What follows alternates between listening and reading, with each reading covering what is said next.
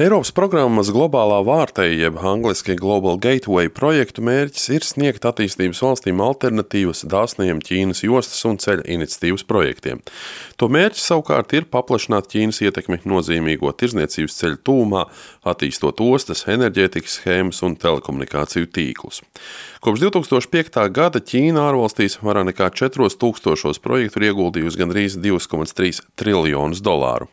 Savukārt Eiropas Savienība plāno līdz 2027. gadam dažādiem infrastruktūras projektiem piesaistīt aptuveni 300 miljārdus eiro.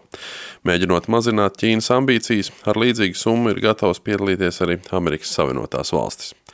Taču līdz šim Eiropas Savienības virzienā vairāk vērsts diezgan daudz kritikas, jo globālās vārtējas programma vairāk izpaužas tikai vārdos, nevis darbos.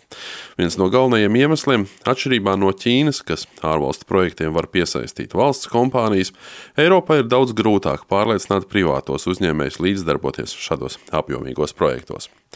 Kā pagājušajā mēnesī norādīja Eiropas komisijas prezidenta Urzula Fonderleina, Eiropas Savienībai ir jāpastiprina savas darbības un jāsniedz taustāmi rezultāti. Līdzīgu viedokli paudus arī Eiropas Savienības transporta komisāra Adina Joana Velēna. Through Global Gateway and its Team Europe initiatives, Ar globālās vārtējas un tās Eiropas komandas iniciatīvām mūsu mērķis ir pretoties pasaules visaktuālākajiem izaicinājumiem - infrastruktūras plaisai, digitālajai plaisai, klimata pārmaiņām, pandēmijas saku pārvarēšanai, pieaugošajai nevienlīdzībai, nepieciešamībai gatavoties nākotnes veselības krīzēm.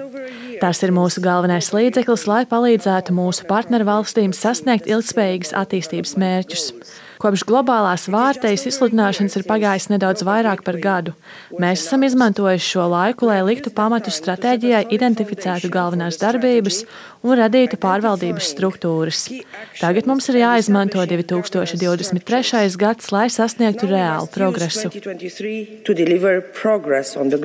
Pirms dažām dienām Eiropas parlamentā notikušajās debatēs Eiropas Tautas partija grupas vārdā Tomas Stovi uzsvēra, ka globālās vārtējas veiksmes stāsts būs atkarīgs no vairākiem faktoriem. The European Union and its member states have to actually leverage Eiropas Savienībai un tās dalībvalstīm ir jābūt reālām iespējām ietekmēt solīto finansējumu. Mūsu partnervalstīm ir nepieciešamas investīcijas attīstības mērķiem, bet arī Eiropas Savienībai tās ir vajadzīgas, lai šajā konkurējošajā pasaulē labāk pozicionētu sevi ģeopolitiski.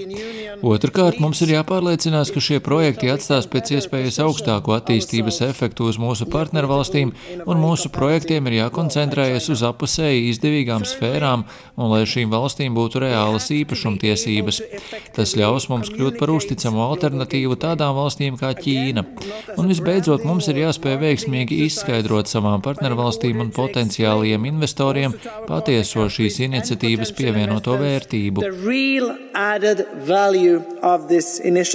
Taču Global Gateway iniciatīvas virzienā joprojām turpina plūst kritika. Tā piemēram, grupas Renew Europe pārstāvis Eiropas parlamentā Barijs Andrius norādījis, ka cenšoties būt konkurētspējīgiem un ģeopolitiski ietekmīgiem, Eiropa ir aizmirsusi par tik nozīmīgu aspektu kā nabadzības izskaušanu, kas globālās vārtejas projektā nav uzsvērta nekur. Turklāt nav arī padomāts par to, kā tiks uzraudzīta dažādo projektu ieviešana dzīvē. No really sure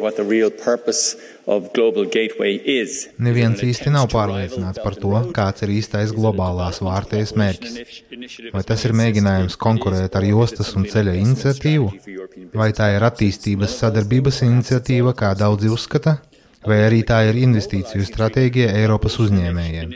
Iespējams, ka tā nav neviena no šīm lietām. Iespējams, tā ir tās visas. Izņemot apņemšanos mobilizēt 300 miljardus eiro, nav nekādu skaidru mērķu, nekādu rādītāju. Globālajai vārtījai vienkārši nav skaidras jēgas. Lai arī Eiropas amatpersonas norāda, ka globālās vārtējas projektiem nav politiska zemteksta, izdevums politika uzsver, ka daži no projektiem tomēr var izrādīties ģeopolitiski ļoti jūtīgi. Piemēram, daži no projektiem iecerēti tiešā Ķīnas tūmā. Viens no šādiem projektiem ir enerģijas pārejas partnerība ar Indonēziju vai digitālās savienojamības projekts ar Filipīnām.